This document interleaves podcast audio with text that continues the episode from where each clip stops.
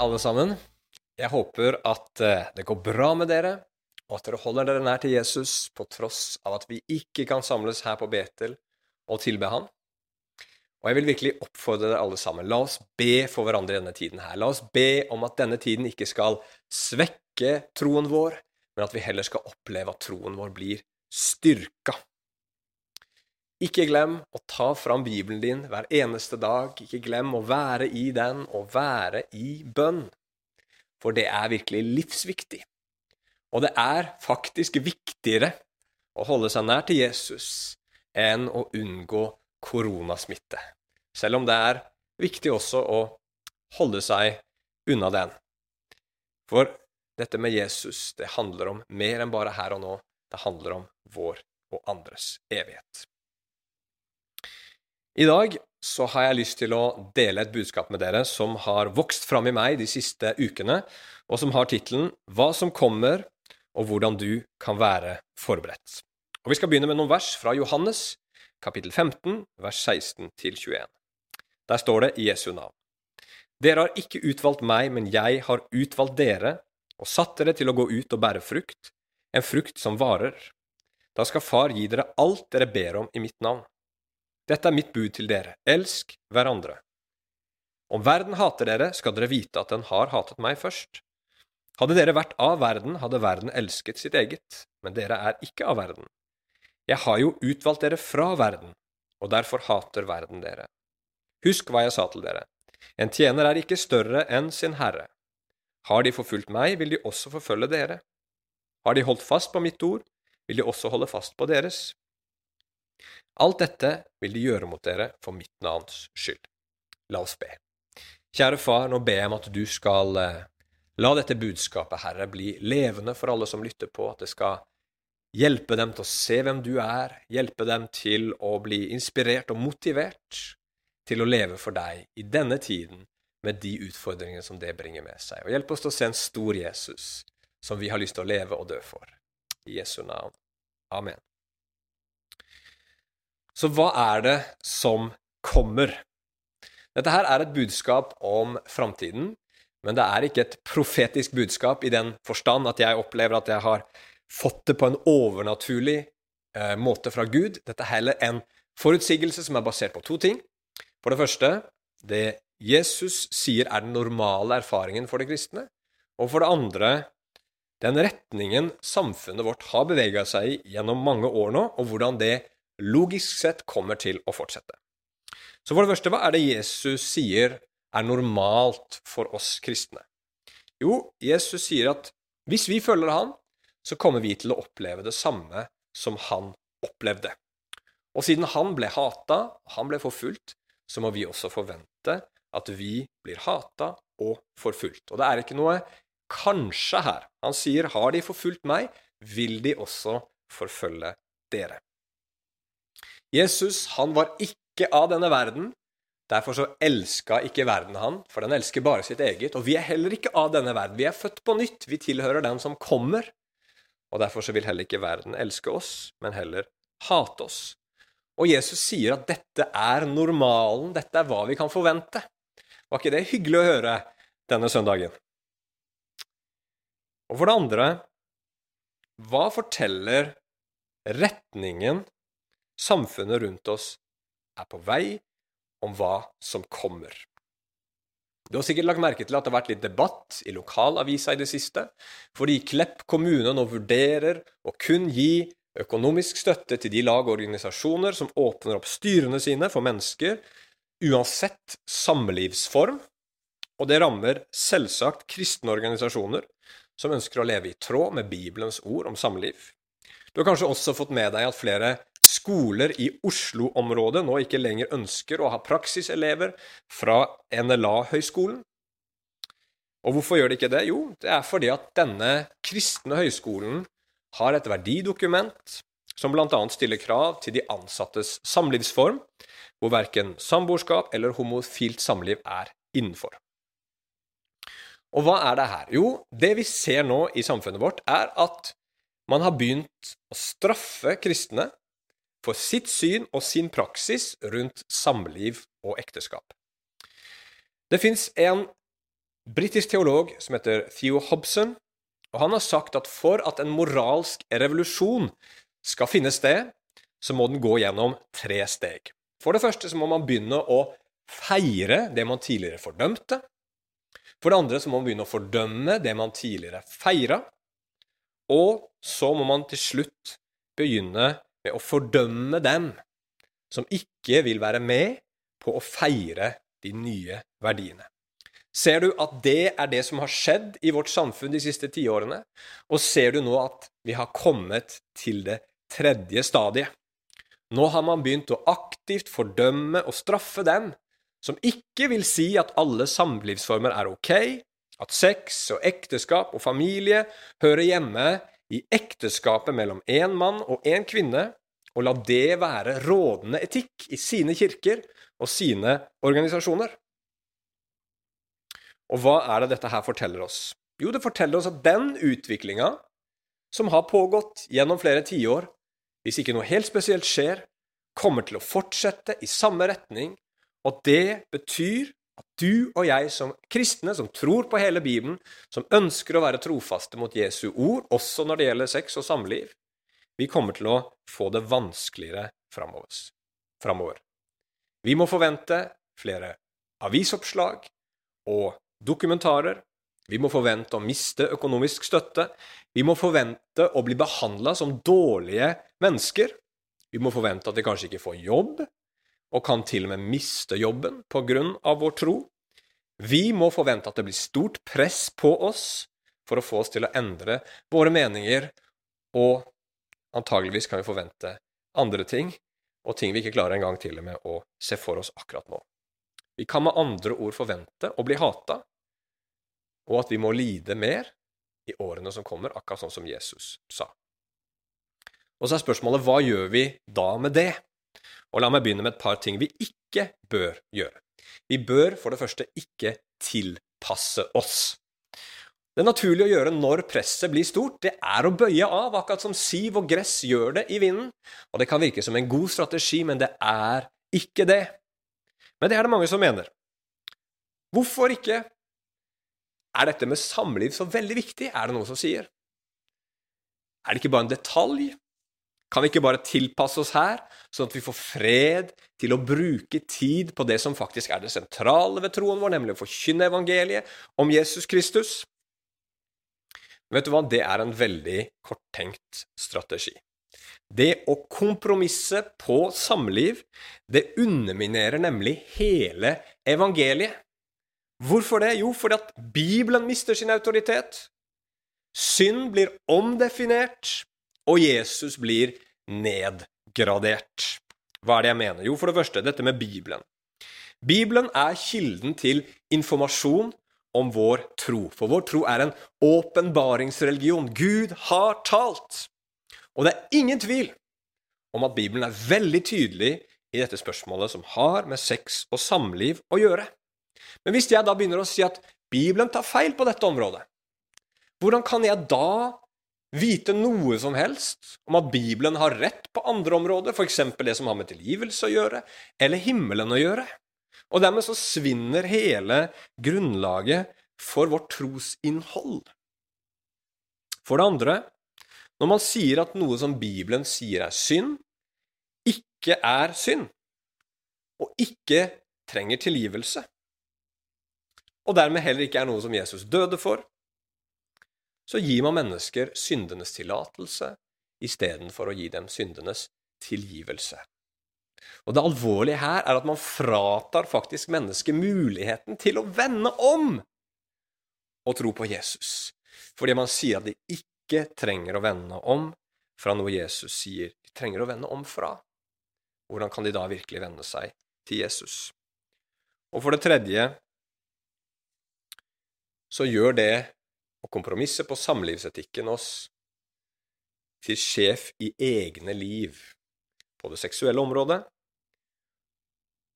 Og da gjør vi det som var menneskehetens opprinnelige synd, nemlig gjør oss selv til Gud.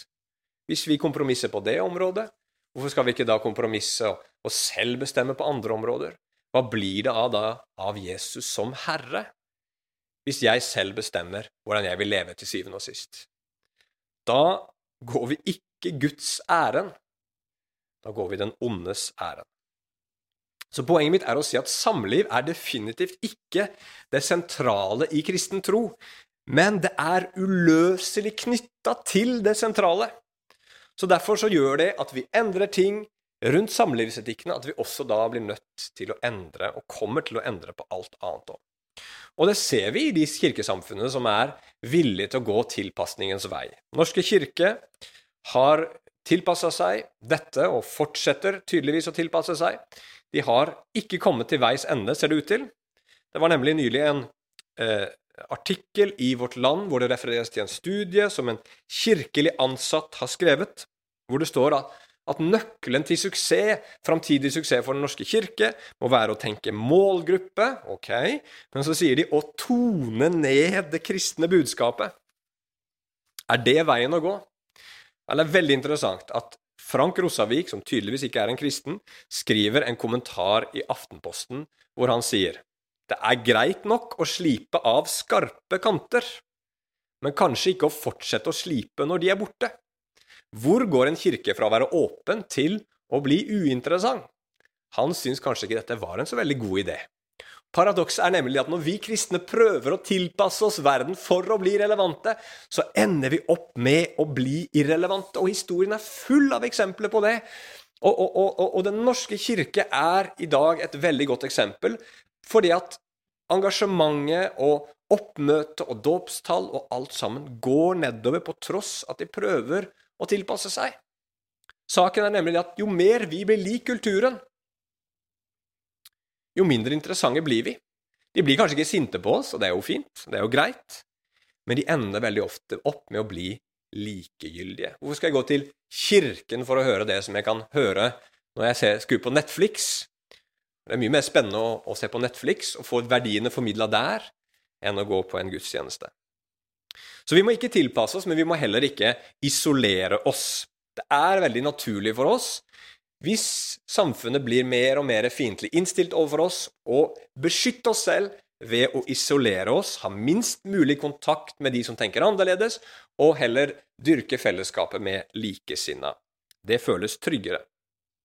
Nå er nok det her bedre enn å tilpasse seg, for man holder jo tross alt fast ved troen. Men jeg tror ikke at dette er noe Jesus ville ha gjort. Og jeg tror ikke det er godt for oss kristne å ikke egentlig leve ut troen vår, bare leve den internt. Jeg tror det blir dårlig luft av det. Og så vil heller ikke verden få høre og se hva det er vi tror på. Så tilpasning eller isolasjon er ikke løsningen. Vi må stå fast på det vi tror på, og så må vi ha kontakt med verden. Vi må være lys, og vi må være salt midt iblant mennesker, sånn at de kan få høre og se det budskapet som vi tror på. Så det vi skal snakke om til slutt, er hvordan vi kan forberede oss på å måtte lide mer som kristne, være forberedt på de vanskelighetene som kommer, sånn at vi kan bli stående og være lys for Jesus. Så det er det siste, og der har jeg seks punkter. For det første så må du akseptere at lidelse er en del av det kristne livet. I boka og filmen 'Ringenes herre', som kanskje noen har enten sett eller lest, så får Frodo oppgaven å reise til Mordor, til fiendens mørke land, for å ødelegge en ring som bare kan ødelegges der, men hvor denne ringen da eh, vil gi ondskapen herredømme over verden hvis den faller i de gale hender. Så mye ansvar og mye problemer hviler på Frodos skuldre, og så sier han til sin gode venn Gandalf Jeg skulle ønske at dette ikke trengte å skje i min tid, sier han. Så svarer vennen hans, Jeg også, og det ønsker alle som opplever slike tider. Men det er ikke opp til dem å bestemme. Alt vi kan bestemme, er hva vi gjør med den tiden som er gitt oss. Og vi kunne sikkert også selv ønske at det ikke innebar lidelse å følge Jesus. Men det er ikke opp til oss å bestemme. Det nye testamentet og Jesus er soleklare på det. At skal du følge Han, så kommer du til å lide. Det er en uunngåelig virkelighet. Men samtidig så sier Bibelen også at gjennom denne lidelsen og smerten så virker Gud i våre liv noe vakkert, og lar oss bære frukt i og gjennom det. Og det trenger vi bare å akseptere. Da kan vi slutte å bruke energi på å prøve å unngå dette, og heller bruke vår energi på å finne kraft og mot til å gå gjennom lidelsen.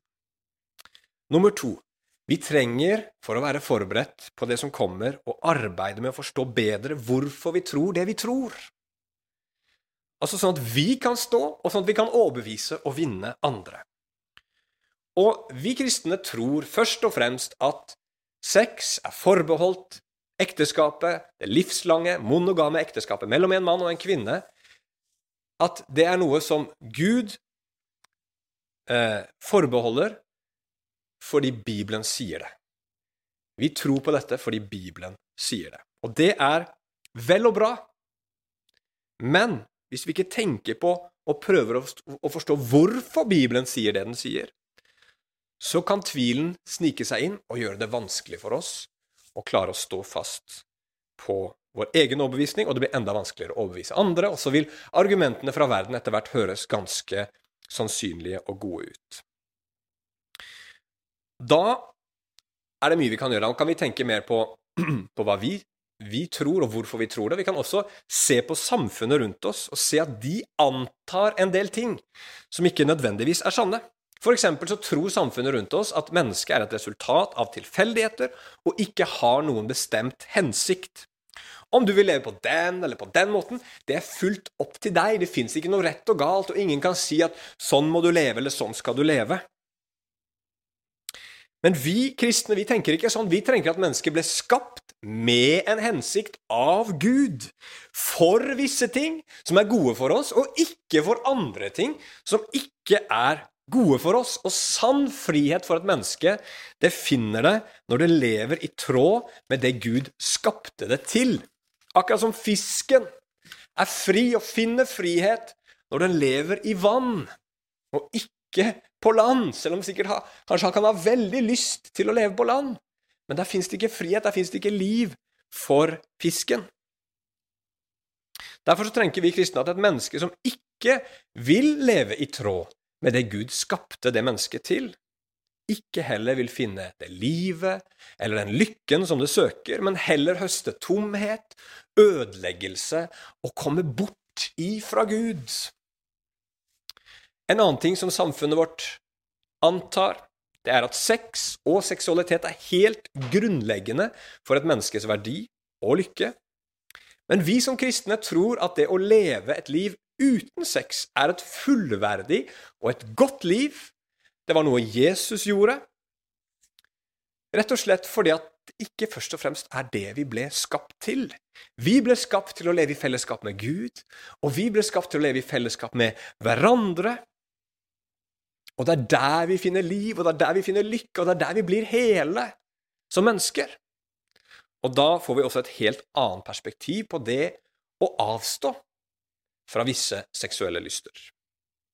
Og alt dette her og mye til går det an å forsvare og argumentere godt for, og etter min mening så er det bedre grunner til å tro det vi tror, enn det som samfunnet tror og bygger på når det gjelder menneske og seksualitet osv. osv. For eksempel, hvis mennesket ikke har noe grunnleggende hensikt, hvordan kan man i det hele tatt snakke om noen som helst rett eller galt? Altså, hvordan kan det være rett å leve ut sine seksuelle lyster, men galt å si at man ikke bør leve dem ut?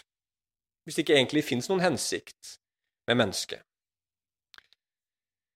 Så her bør vi kristne tenke godt sammen. Vi bør hjelpe hverandre til å forstå disse tingene, sånn at vi kan være solide i våre tanker og se at de argumentene som vi blir servert, ikke alltid er så veldig, veldig gode, mens de argumentene for å tro det som Bibelen sier, er sunne og sterke og bærekraftige. Og Samtidig så trenger vi også å huske at kristen tro ikke er moralisme. Det er troen på at alle mennesker har rota sine liv til. At ingen lever sånn som Gud skapte dem til å leve, verken på det seksuelle området eller på andre områder men at gjennom Jesus så får alle mennesker tilgivelse, nytt liv, en ny start, et nytt hjerte, en ny vilje, sånn at vi steg for steg, gjennom å gjøre feil og, og, og bomme på målet og måtte omvende oss litt etter litt, kan begynne å bli de menneskene Gud skapte oss for å bli. Og det er de gode nyhetene. Du får nåde, og så får du kraft til å bli det du skal være. Nummer tre, i den tiden som kommer, så trenger vi å ha sterke og dype fellesskap for å være godt forberedt. Det holder ikke at menighetsfellesskapet er redusert til et vennlig smil på en søndag formiddag. Vi trenger å komme nærmere hverandre. Vi trenger å møtes oftere. Vi trenger å åpne opp for hverandre om vår egen svakhet, frykt, smerte, og virkelig støtte hverandre gjennom at vi oppmuntrer hverandre, gjennom at vi rettleder hverandre, gjennom at vi ber for og med hverandre. Og når vi ser det bildet som Det nye testamentet tegner av menigheten, så ser du et helt annet samhold, en helt annen kjærlighet enn det som preger mange kirker i Norge i dag. Og her må vi finne tilbake til det opprinnelige. Nummer fire, vi trenger også å flytte vår identitet og skatt til Jesus. Med forfølgelse så er det alltid sånn at det tar noe fra deg. I vårt samfunn så tar man æren, kan man si, eller verdien fra de som ikke vil støtte den nye kjønnsnøytrale ideologien. Man opererer med skam. Man får mennesker som ikke er med på dette, til å føle seg utenfor og til å føle seg uverdige.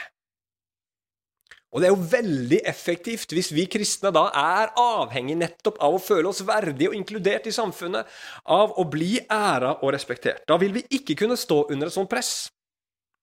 Men hvis du ikke henter din verdi og din identitet fra verden, da kan du stå. Derfor er det så viktig for oss å grave dypt ned i evangeliet. Derfor er det så viktig at du og jeg lærer å bygge vår verdi, bygge eh, eh, vårt syn på oss selv, vår selvfølelse, vår framtid, ikke på våre egne evner, ikke på hva vi har fått til, ikke på hva mennesker syns og tenker og mener om oss, ikke at vi er innenfor i de rette sirklene, men ene og alene på det at vi er elska av Gud i Kristus Jesus. At vi er Hans barn, at vi har fått Hans ånd på innsiden, at Gud har åpenbart sin kjærlighet for oss ved at Jesus døde for våre synder på korset. Der finnes en frihet som gjør at vi kan bli stående i dette presset. Og så trenger vi å lære oss å be. Når det blir tøft, så trenger vi bønnens kraft. Og bønn er en fantastisk ting, og vi trenger å komme lenger enn der, at vi bare ber eh, de rette og de fine tingene, men bare røre ved overflaten. Ola Hallesby han sa det at bønn er det å åpne opp for Gud i sin svakhet. Og det er nettopp det som er bønnens kjerne. Når du skjønner at du trenger Gud, når du innser din egen svakhet, din, din mangel, din, din, din synd, og så kommer de til Gud med det, da kobler du på. Det er her du blir fylt med Ånden. Gud fyller ikke de fulle, men han fyller de tomme. Og det fine med lidelse er nettopp det at det gjør oss så avhengig av Gud. Det gjør at vi søker ham på en helt annen måte. Og dette her kommer til å bli viktig i årene som kommer, og dette kommer til å åpne opp, er jeg overbevist om, for at Den hellige ånds kraft kommer til å virke mye kraftigere i den enkelte troende og i menigheten. For det kommer til å bli nød, behov for Gud. Og da blir det også rom for Gud, og da kommer Gud til å virke på en mye mektigere måte. Og nummer seks, for å forberede oss, så må vi huske at Jesus kommer tilbake. En del mennesker snakker i dag om å være på rett side av historien, og det sies at de som ikke vil gå med på feiringen av den nye kjønnsnøytrale ideologien, de er på feil side. Men hvem er det som bestemmer hvem som er på rett og feil side av historien? Jo, er ikke det Jesus Kristus, hele jordens dommer, som en dag skal komme igjen, og som alle mennesker skal avlegge regnskap for? Og da betyr det ingenting om hele verden applauderte deg hvis du gikk imot hans sannhet og rettferdighet. Og da er heller ikke den lidelse og forkastelse du måtte gjennomgå her nede som hans disippel lenger en skamplett. Det vil være en æresbevisning. Så det er så viktig å huske på at Jesus kommer tilbake, sånn at vi ikke lever for det som er nå, men at vi lever for det som kommer, for det er det som skal vare i all evighet. La oss gå til avslutning. I alle generasjoner så vil det stå en kamp om vår trofasthet til Jesus eller til verden. Blant de første kristne i Romerriket var det ikke noe problem at du trodde på Jesus. Ingen hadde noe stort problem med det. Men problemet oppsto da de kristne sa men vi vil bare ofre eh, til å tilbe Jesus. Ingen andre guder. Og For romerne så var det enormt viktig at alle i et lokalsamfunn ofra til de lokale gudene, sånn at samfunnet kunne bli beskytta for farer og for velstand og lykke. Om de kristne nekta å gjøre det, så mente de at de satte hele samfunnet på spill, og så ble de forfulgt. For oss i Vesten så er det ingen som blir spesielt plaget hvis de bekjenner tro på Jesus. Hvis du derimot står tydelig på hva Bibelen sier om seksualitet, hva Jesus sier om seksualitet, hvis du virkelig vil ta konsekvensen av det du tror på, så vil du møte motstand. Og jeg vil si det her. Det å være kristen handler om så mye mer enn synet vårt på sex. Men det er her kampen står akkurat nå, og det er her vi blir prøvd i vår trofasthet mot Jesus.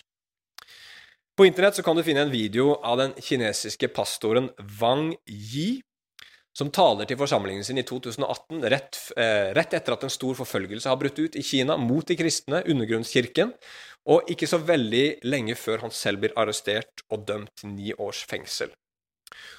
Og med stort alvor så ser han på forsamlingen sin, og så sier han om denne forfølgelsen. Hvor mange i den kinesiske kirke vil dø? Hvor mange vil fornekte sin tro? Hvor mange vil være villige til å gi sine liv for Herren? må Gud fylle oss med sin Hellige Ånd. Og vi kan si det lignende om vår tid. Det kommer til å koste noe. Det kommer til å koste mer å følge Jesus og tro på Bibelen i årene som kommer. Hvor mange av oss vil måtte betale en pris? Hvor mange av oss kommer til å måtte miste noe i årene som kommer for vår tro på Jesus? Hvor mange av oss kommer til å gå på kompromiss og fornekte Han?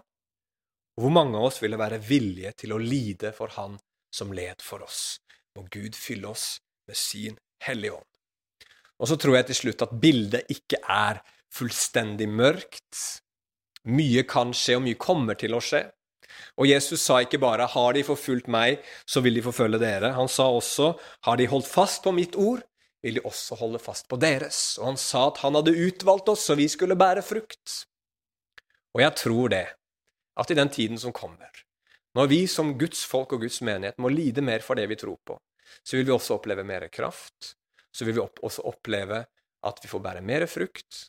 Så vil vi oppleve også at Guds rike kommer midt i det mørket som vi må gå igjennom. La oss ikke miste motet, la oss stå fast, og la oss tro på deg. I Jesu navn. Gud velsigne dere.